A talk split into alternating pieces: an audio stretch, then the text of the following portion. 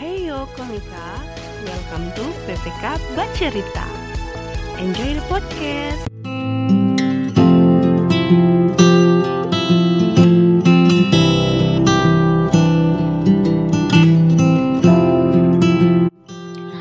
Heyo siswa, jumpa lagi bersama kita dalam podcast PPK Bacerita. Nah, kali ini uh, kita uh, kedatangan tamu yaitu seorang dokter dari Rumah Sakit Pedalaman di daerah Kalimantan Barat. Uh, namanya Kak Lestari. Halo Kak Lestari. Halo Kak Dona. Halo Kak. Nah, Kak, gimana keadaannya di Rumah Halo. Sakit di Pedalaman? Puji Tuhan masih sehat. Di Di sehat. Semoga selalu sehat. Semoga selalu sehat ya Kak. Ya. Hmm. Karena kan berhadapan dengan banyak pasien-pasien yang kita nggak tahu kan gitu. Mm-mm. Apalagi eh, kebanyakan pasien-pasiennya ya kita tahu lah sekarang COVID-19 gitu ya. Eh, Mm-mm. Ternyata COVID-19 itu sudah menyebar sampai ke pelosok-pelosok gitu. Ya karena Mm-mm. aku bekerjanya di daerah pedalaman dan ternyata eh, penyakit itu pun sudah sampai ke pedalaman gitu loh. Jadi buat teman-teman semuanya tetap protokol kesehatan ya, promosi. Tetap ya, tetap pakai masker, jaga jarak dan Cuci tangan. oke. Kak, eh, kita kali ini eh, dapat topik menarik nih. Jadi eh, topiknya itu tentang toxic friendship. Nah, eh, kan di Alkitab nih banyak eh, bukan banyak sih. ada ayat yang mengatakan pergaulan yang buruk akan merusak kebiasaan yang baik. Nih, ba- eh, tapi banyak yang pro kontra nih antara itu. Kan kebiasaan pergaulan yang buruk merusak kebiasaan yang baik. Kan tergantung kita sebenarnya, bukan orang yang menentukan eh, gimana kita gitu. Tapi maksudnya kan Alkitab adalah sumber kebenaran gitu kan. Itu adalah firman Allah. Eksistensinya masih teruji sampai sekarang gitu. Kalau dari pengalaman kakak sendiri, pernah nggak kakak mengalami eh, pergaulan yang buruk itu bisa merusak kebiasaan-kebiasaan kak, baik eh, kakak yang pernah ada gitu? Hmm. Em, kalau aku ditanyakan secara pribadi nih ya, eh, kalau ditanyakan pergaulan buruk merusak kebiasaan yang baik, setuju atau enggak, aku akan jawab setuju gitu. Terus kalau ditanya apakah aku punya pengalaman-pengalaman, eh, punya teman yang pergaulannya buruk, ya, ya artinya kan kita nggak bisa menutup eh, kita tidak berteman dengan orang-orang yang baik saja kan nggak mungkin kan Hmm.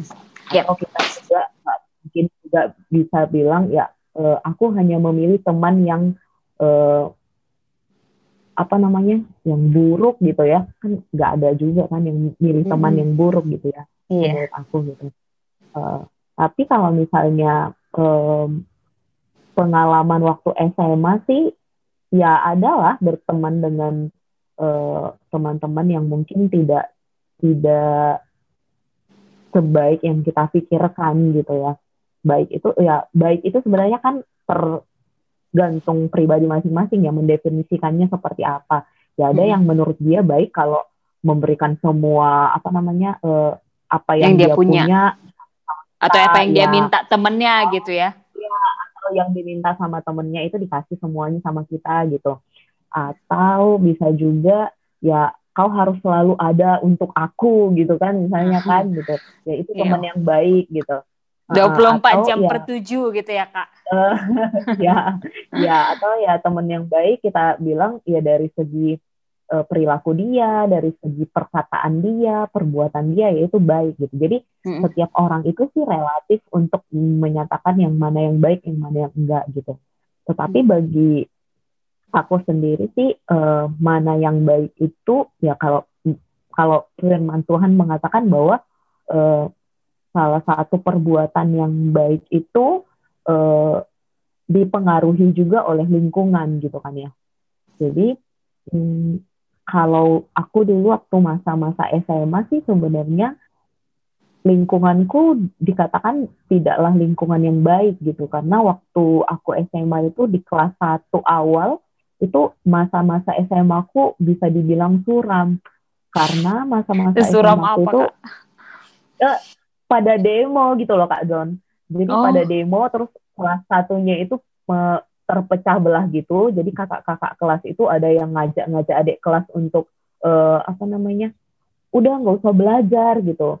Ayo kita harus eh, jadi ceritanya itu eh, kayak sekolah itu kan ada sekolah lama, ada sekolah baru gitu. Jadi ada Hmm. mutasi-mutasi guru-guru pada saat itu gitu. Sama-sama Jadi, ya sama SMA tapi beda beda ini gitu ya. Iya, sama SMA tapi beda gedung istilahnya. Mm-mm. Jadi anak-anak yang baru itu, aku kan anak baru ya waktu itu ya, eh, di langsung berada di gedung yang baru gitu. Sementara Mm. gedung yang lama itu ya kakak-kakak kelas gitu kan, yang seolah-olah mereka kayak mau memperjuangkan hak kesiswaan mereka gitu lah istilahnya. Mm-mm. Padahal sebenarnya nggak ngerti juga sih esensinya apa gitu. Mm-mm.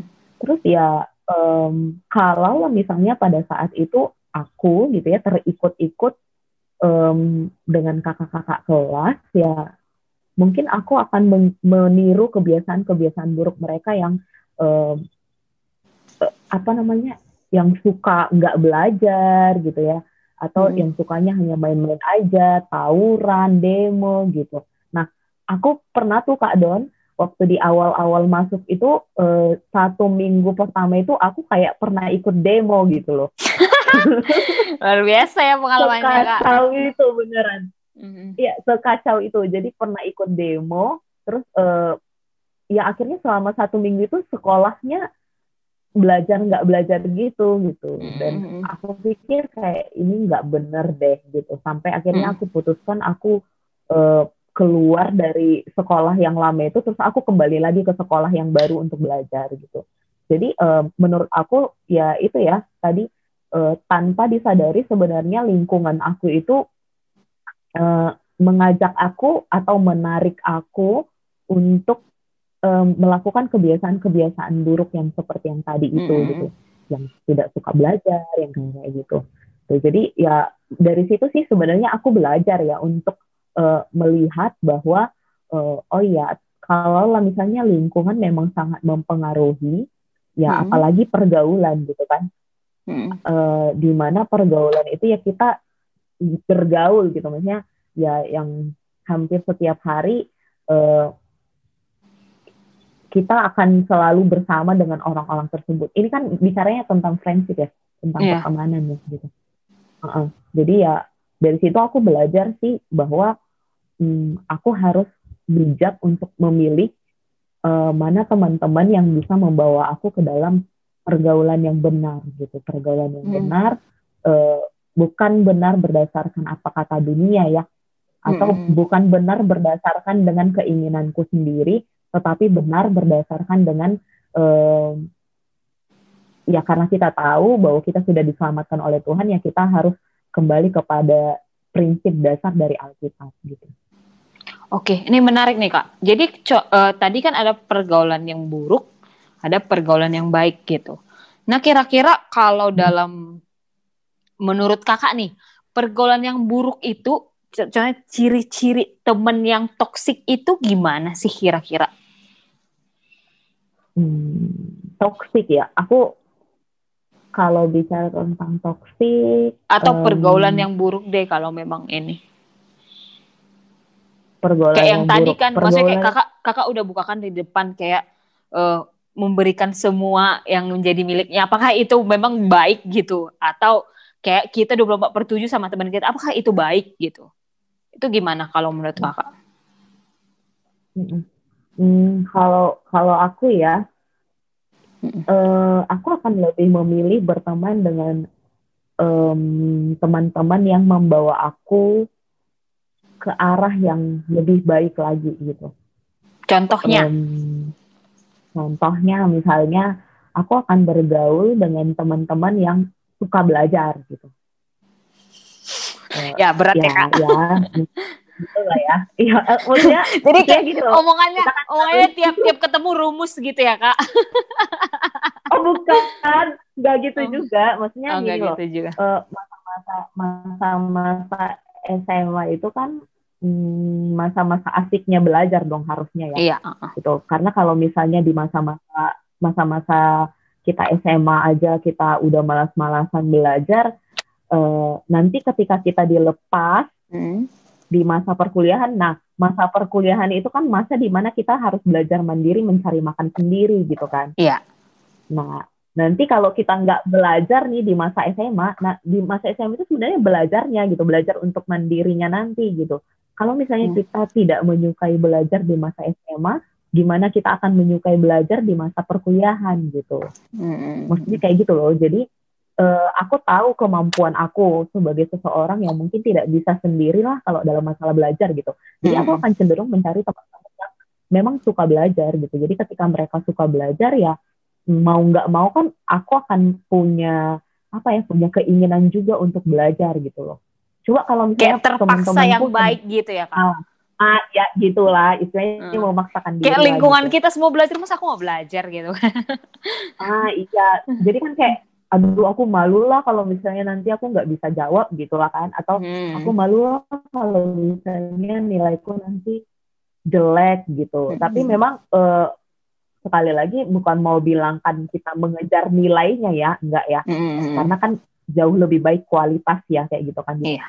nilai sebenarnya gitu ya hmm. tapi maksudnya itu tadi ya bergaul lah dengan teman-teman yang bisa membawa kita lebih baik ya itu salah satu contoh dalam hmm. hal berteman kemudian uh, dalam hal bertutur kata sih gitu jadi aku di di keluarga aku memang uh, sangat uh, diajari caranya sopan santun gitu ya hmm. nah kadang kan keluarga kita udah sopan tapi teman-teman kita uh, kayak bebas lah gitu mengutarakan apa yang di dalam uh, hatinya gitu kan cenderung uh, mengeluarkan kata-kata makian, cenderung hmm. mengeluarkan kata-kata yang mengejek, cenderung mengeluarkan apa ya kata-kata yang uh, menyakitkan hati gitu kan. Hmm. Ya kalau kita sering men sering mendengarkan kata-kata itu kan sedikitnya kata-kata itu akan terbersih kan di dalam pikiran kita hmm. gitu. Jadi cara tidak sadar nah, alam bawah sadar kita nah, udah ini. Cara ya. tidak sadar. Nah ya. Jadi nanti ketika misalnya ada satu hal yang membuat kita marah, eh ternyata tanpa disadari kita dapat mengeluarkan kata-kata yang uh, tadi sudah kita dengar itu gitu. Nah itu kan sebagian-sebagian contoh gitu kan. Sekalipun hmm. kita berasal dari keluarga yang punya sopan santun yang sangat baik gitu. Jadi hmm. ya aku akan sangat menjaga hal itu sih gitu. Jadi belajar memilih teman-teman yang yang uh, yang tadi itu ya yang senang belajar, kemudian cara bertutur katanya yang baik gitu, kemudian um, ya ya pokoknya di dalam lingkungan pun uh, mereka uh, apa ya kayak perkataan dan perbuatannya sinkron gitu loh. Sekalipun itu sebenarnya proses ya kalau yeah. kita belajar. Nah, kalau kan kakak tadi bilang memilih teman gitu ya. Tapi kan di Alkitab bilang kita harus berteman ke semua orang gitu. Jadi maksudnya kayak memilih teman itu maksudnya dalam batas yang semana, teman yang bagaimana yang harus kayak maksudnya kayak tadi kita harus berteman sama yang punya kebiasaan yang baik. Bahkan Alkitab bilang kita bisa berteman sama siapa aja gitu.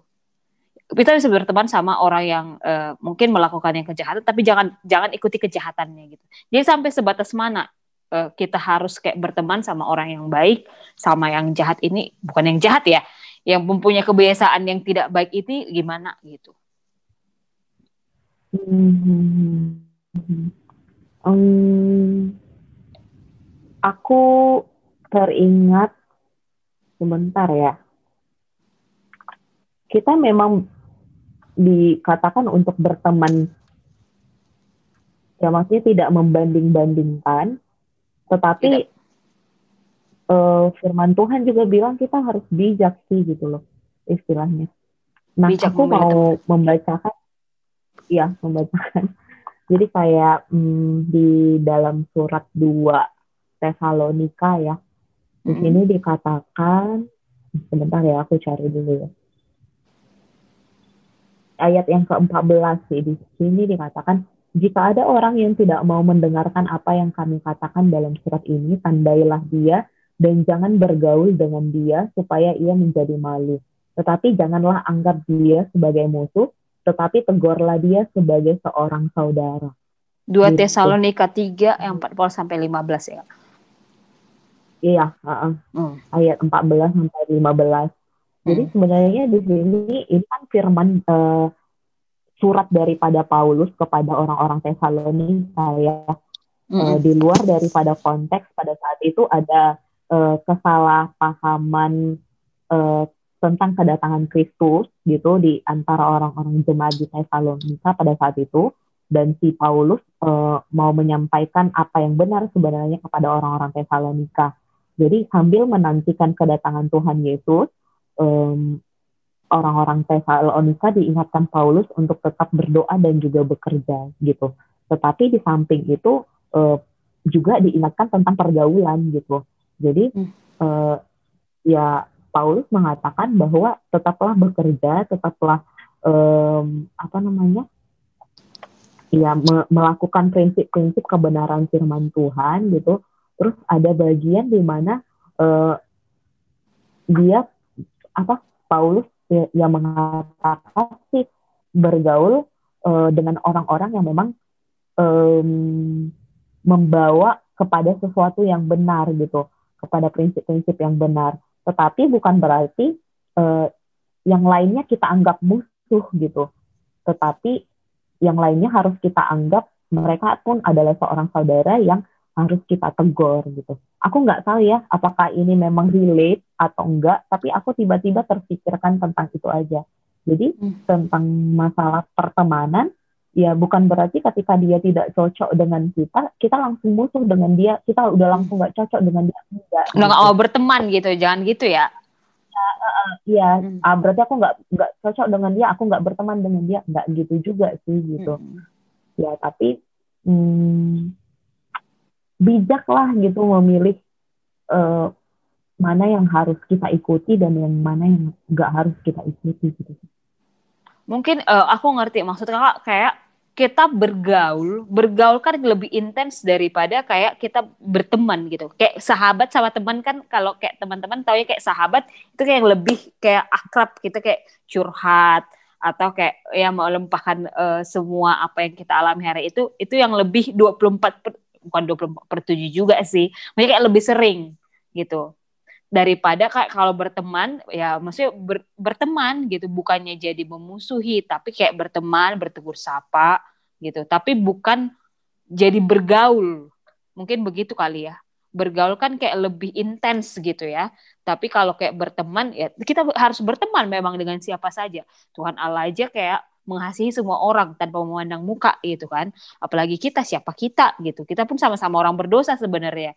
Cuman kalau kita bergaul yang lebih intens harus dengan orang-orang yang bisa membawa kita lebih baik. Yang yang pastinya harus lebih baik dan kepada Tuhan gitu ya kak. Iya, iya, uh -uh. benar sih. Karena kalau kita berteman baik, uh, kita punya teman yang baik gitu. Tetapi hmm, belum tentu benar. iya, iya gitu loh. Maksudnya kita menganggap dia teman hanya karena dia punya kebiasaan yang sama dengan kita. Tetapi hmm. itu adalah kebiasaan yang buruk. Gimana sih cara? Oh, Pokoknya iya, kayak iya. gitu deh. Jadi uh, ngerti ya mas aku ya. Nah, nyambung orang nyambung, tapi sebenarnya nyambungnya ya. negatif gitu ya. Ya, uh, uh, misalnya sama-sama suka gosipin orang gitu dia hmm. memang jadi teman baik sih karena punya hobi yang sama gosipin orang gitu. Tapi kira-kira gosipin orang itu benar atau enggak sih gitu loh? Iya iya betul betul. Iya ya. Oke. Iya. Oke. Atau shopping shopping hmm. happy happy gitu kan? Uh, uh, pamer tiap bulan pamer handphone baru uh, gitu ya kak ya? Iya. Uh, uh. Terus uh, sama-sama nih hobinya gitu tapi kira-kira baik nggak gitu? Oke. Nah kalau uh, ini uh, kan itu ya, kayak gimana uh, tadi uh, pergaulan yang buruk dan pergaulan yang baik. Nah kalau misalkan dalam tips dalam memilih nih kak kan kadang-kadang kita nggak tahu nih maksudnya kayak ini baik nggak sih? Maksudnya kayak akhirnya, akhirnya dari kitanya jadi terlalu takut untuk berteman gitu gimana sih caranya memilih oh ini pergaulan yang baik ini pergaulan yang buruk gitu hmm. dan akhirnya kita bergaul dengan itu Jadi kayak kita apalagi kayak saya nih, saya kan agak uh, maksudnya kayak sulit memilih gitu kan. Jadi kayak kalau dikasih pilihan pusing gitu. Jadi akhirnya uh, udahlah mending gak usah teman lah daripada harus milih capek gitu. Jadi gimana sih kak? Maksudnya kayak uh, tips dan trik untuk memilih pergaulan yang baik dan pergaulan yang buruk. Hmm. Hmm. Mungkin kalau dari pengalaman aku ya, hmm. pengalaman aku, aku uh, adalah seseorang yang merasa sangat beruntung dikasih Tuhan teman-teman yang cukup baik sih. Hmm. Jadi uh, waktu masa SMA memang aku punya seorang teman yang uh, pengurus apa ya istilahnya kalau di kami dulu uh, PSK pengurus siswa Kristen gitu. Mm-hmm. gitu. Jadi aku bergaul bergaul dengan dia meskipun aku pada saat itu nggak ikut kelompok kecil kan gitu tetapi yeah. dia sangat uh, terbuka lah gitu kak aku uh, kemudian aku melihat uh, saksi hidup sih dari dia gitu jadi melihat uh, dia melakukan tugas dia sebagai seorang siswa belajar hmm. begitu dan juga melihat bagaimana tugas dia sebagai seorang pengurus di uh, kepengurusan siswa Kristen pada saat itu gitu. Jadi ketika melihat uh, seimbang, ya dia belajar untuk menyeimbangkan antara tugas dia dan juga uh, apa namanya kepengurusan siswa Kristen itu, hmm. ya aku jadinya banyak belajar hal dari situ gitu. Kemudian uh, apa ya satu hal yang penting sih kalau kita mau belajar punya relasi yang benar, kita harus belajar eh, tentang relasi yang benar di dalam Tuhan, gitu. Yang kayak aku bilang tadi, gitu kan. Jadi eh, yang pertama sih tipsnya adalah hmm, dia adalah orang yang juga mau belajar mencintai Tuhan, belajar mengenal Tuhan, belajar uh, mengerjakan firman yang dia tahu. Mungkin itu. Itu kayaknya itu prinsip dasar sih bagi aku gitu. Jadi ketika aku juga mau berjuang belajar tentang kebenaran firman Tuhan, akhirnya kami jadi sejalan gitu loh. Mm. Gitu kan karena karena uh, jadinya bisa saling mengingatkan kan firman Tuhan bilang ya tegurlah kalau salah gitu kan. Jadi ketika hmm. kita ditegur ya ya kita tahu itu untuk kebenaran gitu. Hmm. Jadi bukan ditegur karena memang hmm, menurut menurut dia benar bukan karena itu gitu, tapi karena dia tahu bahwa sebenarnya hmm, kebenaran firman Tuhan adalah seperti ini, ya dia menegur dengan kasih kayak gitu. Jadi ya berjalannya sih sejalan ya menurut aku pikiran pikirannya juga sama gitu. Kemudian yang kedua, kita akhirnya bisa jadi lebih terbuka gitu. Jadi kalau kalau pikiran kita udah sama, eh, kita berbicara atau menceritakan apa yang menjadi isi hati kita kepada orang yang sudah sama, eh, apa kepada teman akrab kita itu kan jadi lebih lebih leluasa gitu ya, mm. lebih terbuka. Gitu. Mungkin mungkin itu sih prinsip uh, dasar ya, dan yang lain-lainnya itu sebenarnya cuma hanya tambahan-tambahan aja gitu. Tapi kalau misalnya menurutku kalau misalnya prinsip itu aja nggak ada, yang ada hanyalah cuma sekedar pertemanan yang tidak dalam gitu. Karena hmm. cuma tahu aja oh ya kita sama-sama ini kita akrab deket gitu. Tapi ketika hmm. kita misalnya mau belajar tentang kebenaran firman Tuhan terus dia nggak mm, nggak mm, orang yang seperti itu akhirnya ya udah gitu. Cuman kita hanya membatasi oh kalau belajar firman Tuhan berarti aku bukan samamu gitu. Aku samamu cuma hanya untuk shopping aku samamu hanya untuk belajar gitu. Tapi yeah, ya yeah. maksudnya itu kan pertemanan yang tidak dalam gitu Mm-hmm. Tadi uh, kakak ini ya uh, menarik ya pas dibilang ketika teman kita menegur dengan kasih itu adalah hal yang baik. Berarti kalau teman-teman kalau kita punya teman yang kayak setuju sama semua yang kita lakukan atau kita perbuat walaupun sebenarnya itu tidak baik berarti itu bukan bukan teman yang baik sebenarnya ya gitu Iya nggak sih kak? Hmm, menurut ya, kak gimana? Menurut ya menurut aku sih gitu juga ya. Karena hmm. uh, bayangin semua apa yang aku lakukan itu benar gitu. Uh, untuk apa aku berjuang melakukan kebenaran lagi? Hmm. gitu loh. Ya udah masuk surga ya kak, ngapain lagi ya, gitu. udah ya, sempurna gitu ya. Ngapain aku berjuang sampai gitu, ya udah iya, sempurna ya, ya. gitu. Ya, tapi kan, ya.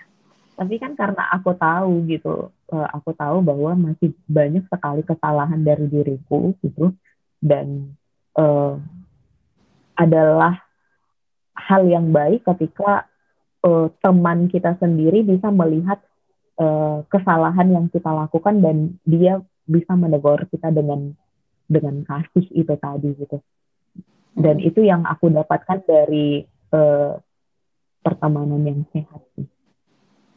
Wah, pertemanan yang sehat kata eh, kata-kata yang sangat bagus. Jadi kayak Alkitab juga bilang ya, kayak uh, manusia menajamkan manusia lain gitu. Nah, ketika kita sebenarnya ditegur, ketika kita melakukan salah itu sebenarnya menajamkan kita gitu. Bukannya jadi dia toksik sama kita. Nah kadang-kadang nih teman-teman siswa sekarang malah mikirnya ketika dia nggak setuju sama pendapat kita gitu, berarti dia nggak teman kita gitu. Nah itu yang jadi mindset yang jadi salah gitu. Padahal sebenarnya ketika teman kita berkata yang benar, sekalipun itu menyakiti kita, mungkin itu di awal sih menyakiti kita, tapi sebenarnya dia membuat kita menjadi lebih baik. Jadi intinya teman pertemanan yang sehat itu adalah teman yang membuat kita menjadi lebih baik. Ya kak. Bukan yang menjadi membuat kita uh, ini maksudnya kayak menurut semua kemauan kita atau dia kayak uh, apa namanya traktir kita selalu bukan yang begitu ya kak ya Oke, okay. kak ada closing statement nggak uh, untuk ini uh, toxic friendship ini? Oh gini, uh, se sebelum closing statement saya sebenarnya saya mau nanya. Jadi kalau misalkan nih saya ternyata nih punya temen yang udah toxic nih dari lama gitu. Kayaknya lepasnya udah susah gitu. Karena kayak udah dari lama kayak aku udah sering ngegosip sama dia atau aku udah sering shopping sama dia. Udah maksudnya kayak udah maksudnya udah kayak temen udah udah kayak lem udah nggak bisa lepasin lagi gitu. Gimana uh, tips dan trik dari kakak? Ya mungkin uh, bisa melepas bukan melepas sih atau mengurangi intensitas pergaulan atau bahkan membuat kami menjadi lebih baik gitu ke depannya. Hmm. Kalau dari aku sih, um, kamu mau jadi kalau misalnya ditanyakan kepada aku, misalnya aku punya teman gitu ya, aku sudah terlanjur punya hubungan yang sangat toksik, toksik yang yang mungkin dimaksudkan Kak Dona tadi, hmm. uh, ditanyakan kepada aku gimana gitu ya aku akan kembali bertanya kepada diriku aku mau menjadi seorang lestari yang seperti apa gitu uh, dengan pemikiran yang itu dulu di dalam diriku sehingga aku akan mencari uh, apa ya ya ya misalnya aku mau jadi lestari yang jauh lebih baik lah. Ini kayaknya nggak benar sekali deh pertemananku gitu. Mm -mm. ya aku akan berusaha untuk untuk mengubah dulu di dalam diriku sendiri gitu kan. Kemudian ya sebisa mungkin ya aku akan hmm, karena tidak mungkin juga kan langsung menjauh itu aku pikir salah juga. Karena kan mm. udah deket banget sama teman kita gitu. Yang cara kedua adalah ya eh, dengan berkata jujur sih hmm. kepada teman dekat kita itu jadi kayak aku merasa eh, sepertinya pertemanan kita ini eh, salah deh gitu atau pertemanan misalnya kayak itu terlalu sering deh uh, apa menggosipin orang lain atau kayaknya kita dalam hal ujian kayaknya salah deh uh, bekerja sama gitu karena Jonte, kita teman gitu. aku hmm. beritahukan jawaban sama kamu ya, atau kita saling kerja sama gitu karena kita teman biar nilai kita bagus cinta-cinta hmm. gitu lah kan istilahnya kan gitu terus kayak ya aku uh, kayaknya aku tahu gitu ya karena aku tahu bahwa uh, meskipun uh, apa ya kita sangat mengharapkan kita punya nilai yang baik lah gitu istilahnya tetapi um, bagiku nilai yang baik itu belum tentu kualitasnya baik gitu hmm.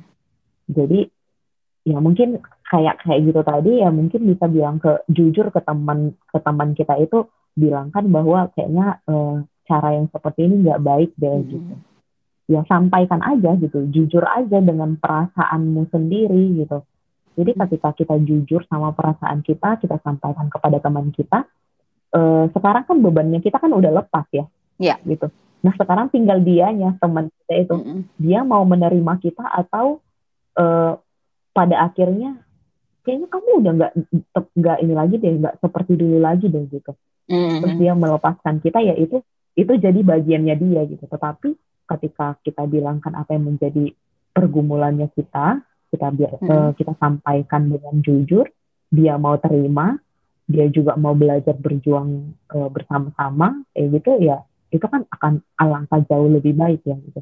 Yeah. Jadi menurut aku sih kalau sudah dekat sekali, bukan berarti uh, ah uh, kita tahu lah belajar firman hmm. Tuhan misalnya jangan mencontek gitu misalnya.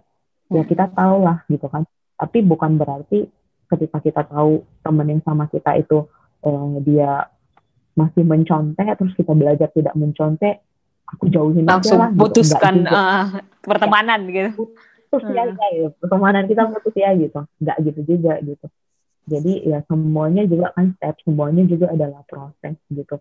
Jadi ketika tanpa kita sadari sebenarnya ketika kita berjuang untuk tidak mencontek misalnya atau ketika kita berjuang untuk tidak saling gosip misalnya gitu kan ya mungkin teman-teman kita melihat gitu dan uh, penasaran kali ya kok dia tiba-tiba berubah gitu ya gitu. Terus mm-hmm. menanyakan gitu ya menjadi akhirnya kan kita menjadi role model kan buat mereka gitu.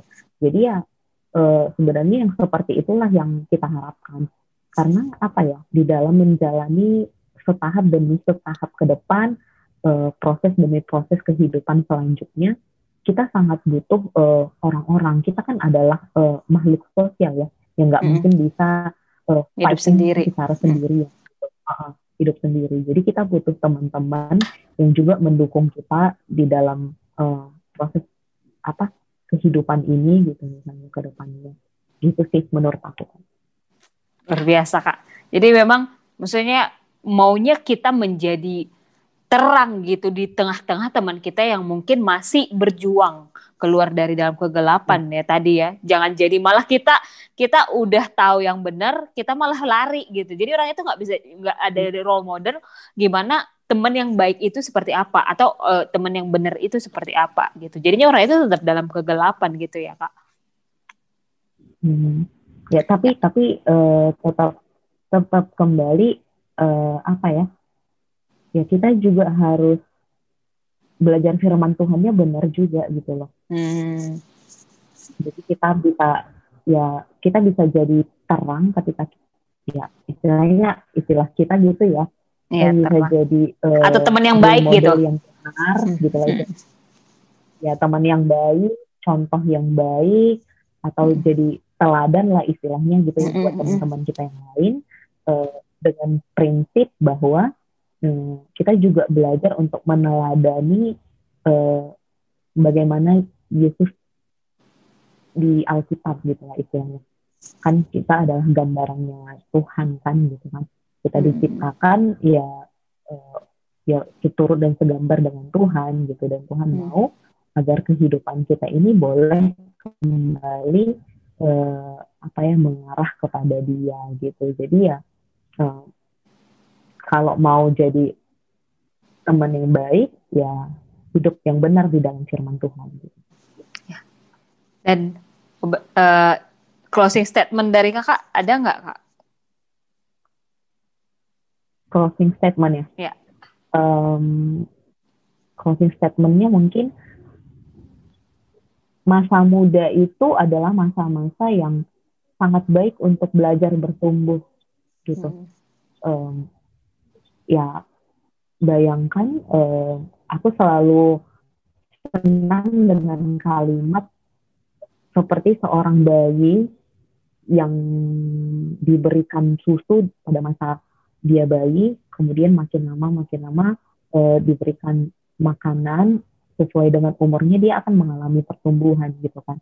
Dan di masa-masa kita yang sekarang ini, eh, kalau kita mau bertumbuh jadi seseorang yang jauh lebih baik gitu um, ya berikanlah pertumbuhan-pertumbuhan yang baik kepada diri kita sendiri gitu uh, sehingga kita akan belajar um, bagaimana untuk menjadi teladan di dalam uh, setiap proses kehidupan kita jadi jangan apa ya istilahnya ya masa-masa SMA itu adalah masa-masa yang sangat menyenangkan untuk pertumbuhan. Nikmatin saja gitu, nikmatin aja untuk setiap prosesnya. Um, terus kasih makanan gitu ya, terutama dalam hal makanan rohani, kemudian uh, iyalah istilahnya dalam makanan rohani lah gitu. Sehingga nanti pemikiran kita itu boleh um, semakin baik ke depannya gitu. Mungkin gitu. Oke, terima kasih Kak Lestari untuk uh, waktu dan uh, sharing-sharingnya yang sangat luar biasa. Satu hal sih yang aku udah dapat dari Kak Lestari bahwa ketika kita ingin menjadi teman yang baik atau memilih teman yang baik, balik lagi ke Alkitab atau balik lagi ke Alkitab yang melihat teladan Yesus. Yesus adalah teman yang baik gitu. Jadi bagaimana menjadi teman yang baik atau contoh yang baik balik lagi kepada teladan yang utama yaitu Yesus gitu kan anak Allah yang ya menjadi manusia yang bisa lihat gitu pertemanannya sama murid-muridnya sama orang yang ditemuinya bagaimana gitu tanpa membedakan orang tanpa uh, dan jadi contoh bagi orang yang lain gitu bukan jadi batu sandungan begitu Oke, terima kasih Kak Lestari. Uh, sukses untuk pelayanannya di uh, rumah sakit di pedalaman Kalimantan Barat di Serukam ya Kak ya? Ya, betul. Oke, terima kasih Kak. Nah, untuk teman-teman yang punya uh, pertanyaan seputar uh, masalah hidup atau pertanyaan yang pengen ditanyakan, bisa langsung tanya di uh, uh, Instagram kita bisa DM di PPK Manado atau bisa langsung tanyakan kakak TPS uh, di PPK Manado ya. Oke, uh, sekian untuk podcast kali ini. Sampai jumpa di podcast berikutnya. Bye bye. Bye bye.